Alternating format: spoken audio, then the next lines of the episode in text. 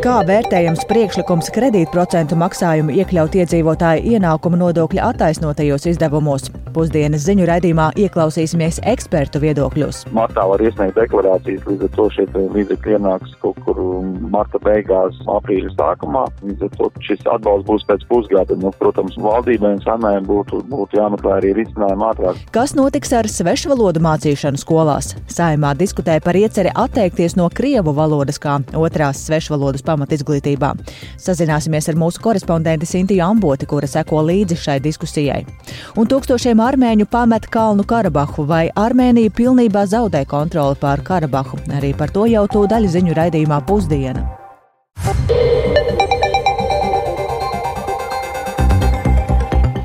Piecas minūtes pāri 12. skanējumu sāk ziņu raidījums pusdiena ar plašāku skaidrojumu par šodien, 26. septembrī būtisko studijā Dāca Pēkšēna. Esiet sveicināti! Un vispirms par to, ka valdība šodien skatīs nodokļu politikas priekšlikumus un arī sāks darbu pie nākamā gada valsts budžeta projekta. Un ar to ir saistīts arī Finanšu ministrijas piedāvājums šogad un nākamgad hipotekāro kredītu procentu maksājumus iekļaut iedzīvotāju ienākuma nodokļa attaisnotajos izdevumos. Nozars asociācijā to vērtē atzinīgi, taču saka, ka tas esot nobēloti, un vairāk par to ir gatavs stāstīt Jānis Kīncis, kurš līdzās studijās. Sveiks, Jāni! Sveika, Dati! Sveicināti radio klausītāji!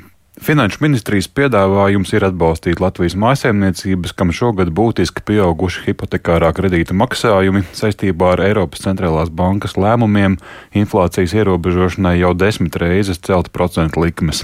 Ministrijas rosinājums paredz šā un nākamā gada hipotekāro kredītu procentu maksājumus iekļaut iedzīvotāju ienākumu nodokļu attaisnotajos izdevumos.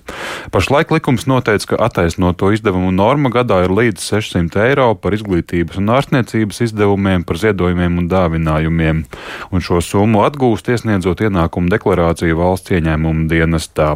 Un Finanšu ministrijas piedāvātais risinājums paredz šo normu papildināt ar hipotekāro kredītu procentu maksājumiem šajā un nākamajā gadā līdz 2000 eiro gadā, un šī summa aprēķināta ņemot vērā Latvijas bankas informāciju par vidējo procentu maksājumu mēnesī. Šo atbalstu saņemtu tikai tie, kuri šajos gados gūst ar iedzīvotāju ienākumu nodokli apliekamus ienākumus. Šāds risinājums ir pareizs un ārkārtīgi nepieciešams, uzsver Latvijas kredītņēmēju asociācijas vadītājs Jānis Āboliņš. Viņa vērtējumā vienīgais trūkums ir, ka šo atbalsta pasākumu vajadzēja jau ātrāk martā var iesniegt deklarācijas, līdz ar to šie līdzekļi ienāks kaut kur marta beigās, aprīļa sākumā. Līdz ar to šis atbalsts būs pēc pusgada. Nu, protams, valdībai un samēm būtu, būtu jāmeklē arī risinājumi ātrāk. Apmēram jau gan izvērt pusgadu iepriekš, lai cilvēks saņemtu jau pirmo palīdzību jau vismaz līdz apkur sezonas sākšanai, jo, diemžēl, Lietuvā un Igaunijā atkal mēs esam nopakaļus, jo, jo šī situācija tur jau ir atrisināta arī ar šiem bankas peļņas nodokļiem, kur šeit iegūtie līdzekļi jau zināmā mērā atgriežas iemaksās valsts budžetā un iespējams arī tautsēmniecības apritē. Vēl papildus ministrija arī rosina veidot attiecību fina, attīstības finanšu institūcijas Altuma mērķētu atbalsta programmu, kas ļautu kapitalizēt daļu kredīta procentu maksājumu, piesaistot papildu garantiju no Altuma un tādējādi samazinot ikmēnešu maksājumu. Šīs programmas mērķis būtu atbalstīt kredītņēmējus, kuriem pieaugušās Eiribor procentu likmes dēļ ir grūtības nosakt aizņēmumu procentu maksājumus pilnībā. Un šī atbalsta programma varētu skart ap 15 tūkstošiem kredītņēmēju Latvijā. Taču līdz šiem, šo, šie lēmumi vēl ir jāpieņem, un valdībai un saimai tie ir tātad saistībā ar nākamā gada valsts budžetu, ar ko valdība šodien sāka darbu, un uh, no nākamā gada paredzēts ieviest jau minēto banku ienākuma nodokļa 20% avansa maksājumu par iepriekšējā gada pēļņu atbilstoši pārējo Baltijas valstu, piemēram, kur Lietuvā šī Likme arī ir 20%, bet Igaunijā to ir paredzēts celt līdz 18%. Tāpat arī paredzēts turpināt celt akcijas nodokļu likmes un daudzus citus pasākumus. Valdībā lemto par eh, saistībā ar budžetu atspoguļosim arī vairāk programmā pēcpusdienā. Tas ir šī ceļa sākums savā ziņā. Jā, teikt, tikai jā. sākums, un tā tad viena no iecer, kā tikko dzirdējām, tad līdzās medicīnai un izglītībai iekļaut attaisnotajos izdevumos arī hipotekāro kredītu procentu maksājumus. Bet vēl viena joma, kur uz valsts budžeta naudu ļoti cer, ir lauksaimniecības nozara. Zaudējumi, kas ir radušies klimatisko apstākļu dēļ un arī dārgo izēvielu dēļ, lauksaimniekiem ir mērāmi vairākos simtos miljonu eiro. Tā šorīt programmā Labrīt kolēģiem Artais Kujai un Kristapam Feldmanim sacīja zemnieku saimas valdes priekšsēdētājs Juris Lazdiņš. Risinājumi, par ko esot bijusi vienošanās, ir saistīta gan ar apgrozāmo līdzekļu programmu, gan arī atbalstu augošo kredītu procentu dēļ, bet um, Lazdiņš ir bažīgs, ka šāda atbalsta lauksaimniekiem varētu arī nebūt. Un paklausīsimies fragmentu no šī rīta sarunas un vispirms par to, kas tad bija plānots. Protams, ka tādas naudas nav, lai tiešā veidā kompensētu lauksaimniekiem šos zaudējumus, kā arī kompensācijas nav ilgtermiņa risinājumi. Tāpēc visu gadu bija domāts, kā mēs ar pēc iespējas mazākiem resursiem varētu sasniegt labāku rezultātu. Un tiešām ļoti pārdomāti, pragmatiski vienojušies, ka sagaidām rudeni, septembra beigas, un tad mēs ieviešam šīs programmas, par ko mēs esam jau trīs mēnešus diskutējuši. Tātad apgrozāmo līdzekļu programmu caur altumu tiem klientiem, kas ir, varētu teikt, nonākuši grūtībās, nu, kur ir visvairāk cietuši. Uh, Kā arī otrs lielais risinājums ir daļēji kredītprocentu dzēšana, kas jau ir esoša programma, tikai viņai noteikti vajag papildus finansējumu, ņemot vērā to, ka pieprasījums pēc apgrozāmiem līdzekļiem pēc šī gada būs krietni lielāks.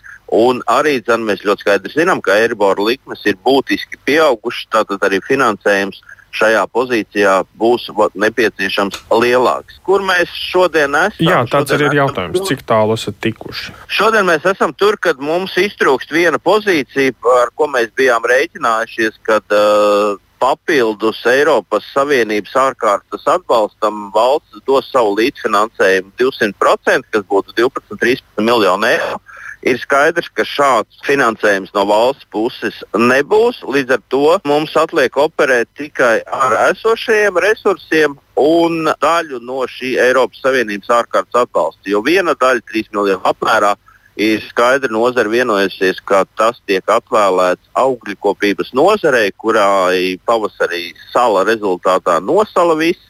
Un ražas nebija vispār, tad tur ir jāatjauno stādījumi un mums atliek tikai 3,7 miljoni, no kurus pēdējās sarunas mums bija, kad mēs novirzam altumu šai apgrozāmo līdzekļu programmai, bet mums viennozīmīgi būs iztrūkums kredītprocentu daļēji dzēšanai pārējiem lauksaimniekiem, kuri kreditējas komercbankās. Nu, tāds ir šī šodienas izaicinājums, par kuru jāsāk ir, domāt un risināt, jo lauksaimniekiem arī ir ļoti skaidri jāzina, vai šādas atbalsta programmas būs, un viņām jābūt ļoti strikti nodefinētām un stabilām un nemaināmām. Pretējā gadījumā mēs nevaram paļauties tā kā šobrīd, kad mums ir sējuma apdrošināšanas programma, kurai katru gadu pietrūkst finansējums, vai būs atbalsts, cik liels atbalsts mēs nezinām. Arī šī sadaļa šodien ir obligāti jārisina un jālemj, tāpēc, ka tūlīt sākās jau jaunais sējuma un, un dzīvnieku apdrošināšanas cikls Un tādā neziņā dzīvot lauksaimnieki pēc šī gada tiešām vairs nevar atļauties. Tā zemnieku sēmas valdes priekšsādātājs Jūris Lazdiņš, kurš cer uz risinājumu zaudējumu kompensēšanā lauksaimniekiem. Bet par citu tēmatu pēc trim gadiem skolās, kā otrā svešvaloda, nevarēs būt krievu valoda. Taču, lai šādus izglītības reformas mērķus sasniegtu, skolās trūkst vairāk nekā 350 svešvalodu skolotāju. Šobrīd vairāk nekā puse Latvijas skolu Otro svešvalodu piedāvā krievu valodu, un vairāk par tām plānotajām izmaiņām svešvalodu apguvē šodien spriež arī saimā izglītības komisijā. Šai sēdē seko līdzi kolēģis Intija Ambote, viņa šobrīd pievienojas tiešaidēs. Sveika, Intija, saki, ko tad paredz plānotā reforma, ja mēs runājam par krievu valodu kā otro svešvalodu skolās? Sveika, Dārcis! Sveicināti radio klausītāji! Mm, izglītības ministrijas grozījumi paredz, ka pēc trīs gadiem Latvijas skolas atsakās no krievu valodas kā otrās svešvalodas un vietā piedāvā kādu no Eiropas Savienības oficiālajām valodām, kā vācu vai franču. Tāpat paredzēts noteikt, ka otro svešvalodu sāk mācīt no piektās klases, nevis no ceturtās klases, kā tas ir šobrīd. Un daudzās skolās šobrīd gan ceturtajā, gan piektajā klasē ir tikai viena otrās svešvalodas stunda nedēļā, kas ir neefektīvi ministrijas iesaiņa ieskatā, bet grozījumi dod skolām iespēju plānot intensīvākas šī priekšmeta mācības 5. līdz 9. klasē, lai varētu tātad atvēlēt vismaz jau divas stundas nedēļā. Atteikšanās no krievu valodas kā otrās svešvalodas mācīšanas tad plānot 26. gada septembrī, bet tiesa gan pavisam visas klases, kas iepriekš uzsākušas jau krievu valodas apguvi, to um, mācīties skolās beigs 2031. gadā. Te tomēr Saimas izglītības komisijas deputāti vaicāja, vai skolēniem jāturpina mācīt krievu valodu, kas uh, būs sākuši to darīt šajos gados. Un deputāti aicināja noteikt ambiciozākus mērķus, lai skolas ātrāk veiktu šo pārēju, nevis pēc trīs gadiem, īpaši skolās, kur uh, otrās uh, svešvalodas priekšmetā Krievu valodai nav alternatīvas, jo šobrīd tieši Krievu valodu kā otro svešvalodu izvēlas lielākā daļa skolēnu, un Mm, izglītības ministrijas dati liecina, ka vairāk nekā 300 skolās kā otrā svešvaloda tiek piedāvāta un mācīta tikai krievu valoda bez citām alternatīvām. Izglītības ministrijas pārstāve Ilze Seipule komisijai klāstīja, ka aptaujās šīs skolas norāda, ka krievu valoda skolā mācīta vēsturiski vai trūkst pedagogu. Varam paklausīties viņas teikto. Apkopojot datus, mēs redzam, ka joprojām lielākajā daļā skolu kā otrā svešvaloda ir krievu valoda un tikai krievu valoda. Varbūt tas ir šajā visā kontekstā tas satraucošākais. Pēdējā laikā šis skaits ir mazliet samazinājies uz apmēram 44%, kā vienīgo otro svešvalodu nodrošina tikai krievu valodu.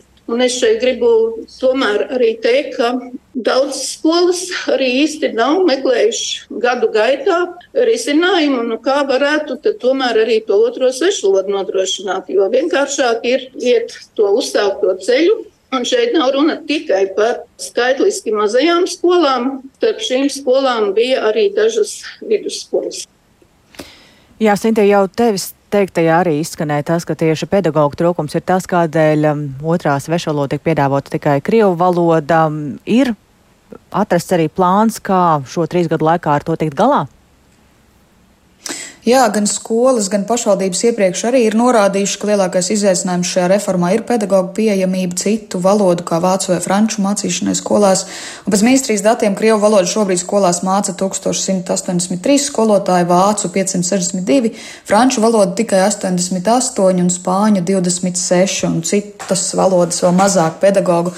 Un arī pedagoģiskajās programmās par svešvalodu skolotājiem mācās nepietiekams skaits studentu, jo tuvāko trīs gadu laikā tad būs būs jāsagatavo 350 līdz 400 pedagogi, lai Latvijas skolās atteiktos no krievu valodas kā otrās svešvalodas. Un, un ministrija paredz skolotājus piesaistīt sadarbībā ar Vācijas un Francijas vēstniecībām, kas palīdzēs jaunu pedagoģu sagatavošanā vai esošo pārkvalificēšanā, kam paredzētas arī stipendijas 300 eiro apmērā. Tāpat svešvalodu skolotājus plānos piesaistīt arī ar skolotāju izglītības projektu mācīt spēks atbalstu, bet tad par to vai arī skolām un pašvaldībām ar to šķiet pietiekami skaidrosim vēlāk pēcpusdienā. Paldies Cintijai Ambotai par šo skaidrojumu. Tad, tad atgādināšu, ka saimā spriež par to, kā īstenot reformu, lai otro svešvalodu skolās varētu piedāvāt um, kādu citu, ne tikai krievu valodu. Un pēc trim gadiem vispār no krievu valodas kā otrās svešvalodas plāno atteikties. Par notikumiem citviet pasaulē. Tūkstošiem cilvēku Kalnu Karabahā turpina izbraukt uz Armēniju, baidoties no represijām, ko varētu pastrādāt Azerbaidžāna. Tas notiek pēc nesenās militārās operācijas, pēc kuras Azerbaidžāna pārņem kontroli šajā reģionā. Tikmēr turpinās arī sarunas par Kalnu Karabahas armēņu kopienas reintegrāciju Azerbaidžānā un augstas Armēnijas un Azerbaidžānas amatpersonas šodien tiekas Briselē, piedaloties arī Francijas un Vācijas amatpersonām. Plašāk par to to Rihards Plūme. Arī šodien garas automašīnu rindas vērojamas, vijoties pa līkumainajiem Kalnu Karavahas ceļiem, kas ved prom uz Armēnijas teritoriju. Simtiem mašīnu dēļ izveidojušies gari sastrēgumi. Kā norāda automašīnās sēdošie, divās stundās varot nobraukt divus metrus. Cilvēki ar savu iedzīvi, ko vien var panest, ved līdzi, citiem savukārt nav nekā. Armēņi pamet ciemus vieni kopā ar ģimenes locekļiem vai grupās. Tiek evakuēti un pamet mājas arī pašu spēkiem bēgļiem. Starp evakuētajiem arī pensionārs Arkādijs. Viņš ir pastorēns. Viņš jūt horā rāču. Pirms kādām sešām, septiņām dienām ap pusdienas laiku sāka šaut no dažādiem ieročiem. Aizstāvējāmies, cik varējām. Tad mums lika pulcēties pie skolas. Mēs tur gaidījām divas stundas, un tad Krievi mūs aizveda uz lidostu ar militārajām kravas automašīnām un citām lielām automašīnām. Teltīs palikām 3-4 dienas. No mājām neko nevarējām paņemt, visu atstājām. Redzēsim, kas notiks tālāk. Mēs nekad neatgriezīsimies. Šis ir pēdējais posms armēņu un turku attiecībās. Mēs nekad nevarēsim ar viņiem dzīvot. Mums piedāvāja palikt un integrēties, bet tas nav iespējams. Agri vai vēlu, visi aizbrauks. Daniela Narkādžā, Gensatošā Gānfāta, Askerānis Bulna. Līdz šim Kalnu Karabahu pametuši jau vairāk nekā 13 tūkstoši cilvēku, bet kopumā Kalnu Karabahā dzīvo aptuveni 120 tūkstoši etnisko armēņu. Armēnija norādījusi, ka varētu uzņemt līdz 40 tūkstošiem bēgļu, taču spriežot pēc izbraukšanas apmēriem un citiem paziņojumiem, Kalnu Karabahu vēlas pamest absolūti lielākā daļa tur esošo armēņu. Neraugoties uz Azerbaidžānas publiskajiem paziņojumiem par palīdzību Kalnu Karabahas iedzīvotājiem, bažas par stāvokli reģionā saglabājas. Etnisko armēņu līderi Līderi saka, ka tūkstošiem cilvēku ir bez pārtikas vai pajumtes un guļ pagrabos, skolu ēkās vai ārpus tām. Nav arī medikamentu. Un tas īpaši bija izjūtams vakar, kad pie Kalnu Karabahas galvaspilsētas Stepenakertas pirmdienas vakarā kādā no pilsētas degvielas noliktavām notika sprādziens. Tā rezultātā smagi tika ievainoti aptuveni 290 cilvēki, kas vēlējās iegūt degvielu, lai pamestu pilsētu. Bojā gājuši vismaz 20 cilvēki. Līdz ar to situācija slimnīcā bija haotiska, tā bija pārpildīta, nebija nedz mediķu resursu, nedz medikamentu resursu, lai visiem spētu palīdzēt. Tikmēr pēc pēdējiem pret valdību vērstajiem protestiem Erevānā pirmdien arestēti vairāk nekā 140 cilvēki. Protesti turpinās jau vairākas dienas, armēņiem paužot neapmierinātību ar premjeru Nikolu Pašiņānu un Kalnu Karabahas zaudēšanu. Tikmēr Briselē Eiropas Savienība šodien rīko augstu Armēnijas un Azerbaidžānas amatpersonu tikšanos. Sarunas vadīs Eiropadomas prezidenta Šārla Mišela vecākais diplomātiskais padomnieks. Sarunās piedalās Armēnijas un Azerbaidžānas, kā arī Francijas Krievijas un Vācijas nacionālās drošības padomnieki. Piedalīsies arī Eiropas Savienības īpašais sūtnis Dienvidkaukāza jautājumos Igauņu diplomāts Toivo Klārs. Tikmēr 5. oktobrī Armēnijas premjers un Azerbaidžānas prezidents Granadā, Spānijā piedalīsies Eiropas politiskās kopienas samitā. Pēc tam, kad Kalnu Karabahas Armēņu republikas varas iestādes faktiski kapitulējušas Baku priekšā, turpinās arī sarunas par Kalnu Karabahas Armēņu kopienas reintegrāciju Azerbaidžānā. Sagaidāms, ka visa strīdus reģiona teritorija nonāks Azerbaidžānas varas iestāžu kontrolē. Rihards Plūme, Latvijas radio. Eiropas Savienība brīdina Ķīnu, ka mūsu kontinentu uzņēmumiem kļūst arvien grūtāk tur veidot biznesu. Un tas ir saistīts ne tikai ar jauniem nacionālās drošības likumiem, bet arī Ķīnas attieksmi pret Krievijas kāru ar Ukrainu. Un šo vēstījumu ir nogādājis Eiropas komisijas priekšsēdētājs izpildu vietnieks Valdis Dombrovskis, kurš šodien noslēdz četru dienu vizīti Ķīnā. Plašāk par to Ārķom Konohovi ierakstā. Pirms divām nedēļām Eiropas komisijas priekšsēdētāja Urzula Fonderleina no Eiropas parlamenta tribīnes deva skaidru brīdinājumu Ķīnai.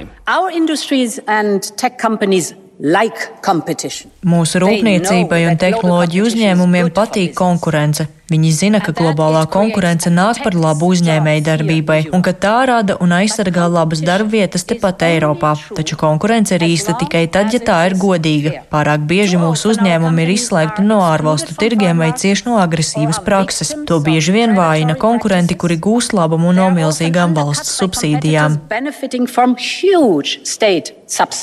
Fonderleina paziņoja, ka Eiropa ir mācījusies no savām iepriekšējām kļūdām un elektrisko automobīļu gadījumā gadījumā neļaus atkārtoties saules paneļa scenārijiem.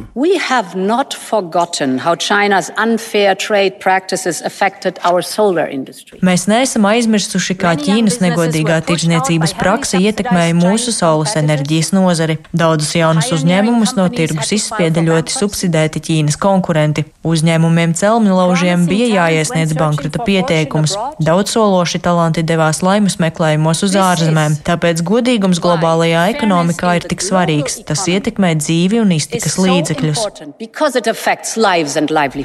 Briselē valda aizdomas, ka Ķīna subsidē elektrisko automašīnu ražotājus un tādēļ viņa produkcija tagad pārpludina Eiropas tirgu. Līdz ar to tiek plānots uzsākt konkurences izmeklēšanu. Bet tā nav vienīgā nozare, kur Eiropas un Ķīnas attiecības kļūst arvien sarežģītākas. Eiropas komisijas priekšsēdētājs izpildvietnieks Valdis Dombrovskis Pekinā paziņoja, ka daudz Eiropas uzņēmumi šaubās par palikšanu šajā valstī, jo dažādas prasības un ierobežojumus kļūst arvien grūtāk izpildīt. Meanwhile, uh, European companies are concerned with uh, China's direction of uh, travel. Tajā pat laikā Eiropas uzņēmumi prāto par to, kādā virzienā Ķīna dodas. Daudzi no viņiem apšauba savu turpmāko palikšanu Ķīnā. Viņi uzdod sev jautājumu, vai tas, ko daudzi iepriekšējās desmitgadēs uzskatīja par apusēji izdevīgām attiecībām, nevarētu turpmākajos gados pārvērsties par apusēju zaudējumu dinamiku. Ķīnas vicepremjeras Heļi Feņš solīja, ka Ķīna turpinās būt atvērta pasaulē un starptautiskām investīcijām. Tomēr viņš brīdināja Briseli atturēties no mēģinājumiem ierobežot Ķīnas elektrisko automašīnu eksportu. Arī Eiropā nebūtu nav vienprātības par to, cik stingri vajadzētu vērsties pret Pekinu. Parīze ieņem stingrāku nostāju, turpretī politiķi Berlīnē ir noskaņoti mazāk karavīgi. Pastāv bažas par to, kā Ķīna varētu atbildēt, ja Brisele nolems uzlikt paaugstinātas muitas nodevas tās elektriskajām automašīnām. Attiecības starp Eiropu un Ķīnu pasliktina arī Pekinas nevēlēšanās skaidri nosodīt Krievijas iebrukumu Ukrainā. Dombrovskis sacīja, ka Eiropiešiem to ir grūti izprast. Turklāt tas ir pretrunā ar vienu no Ķīnas postulātiem par valstu teritoriālo neizskaramību. Arčuns Kanahaus Latvijas Rādio Briselē. Un vēl šodien ienākšana Latvijā oficiāli ir izsludinājis prestižais Mišelina restorānu ceļvedis, kura inspektori jau esot viesojušies dažādās ēstuvēs Latvijā, kurzemes piekrastē, Jūrmalā, Valmierā, Cēsīs, Līgatnē, Tervetē. Ko tas nozīmē Latvijai un kādas ir pirmās reakcijas, to ir gatava stāstīt kolēģi Ieva Puķa, kura šobrīd līdzās man studijā. Sveiki, Ieva! Un, jā, vai ir jau zināms, kad Latvijā varētu restorāni tikt pie Michelin zvaigznēm un kāda ir tā procedūra, kā tas notiek? Jā, sveika, Dāca, sveika klausītāji. Tā stunda ir tiešām beidzot situsi. Indikācijas, ka Michelin tuvojas Latvijai, bija jau pirms pusotra gada, kad pirmie Baltijā Michelin zvaigznes saņēma divi Igaunijas restorāni.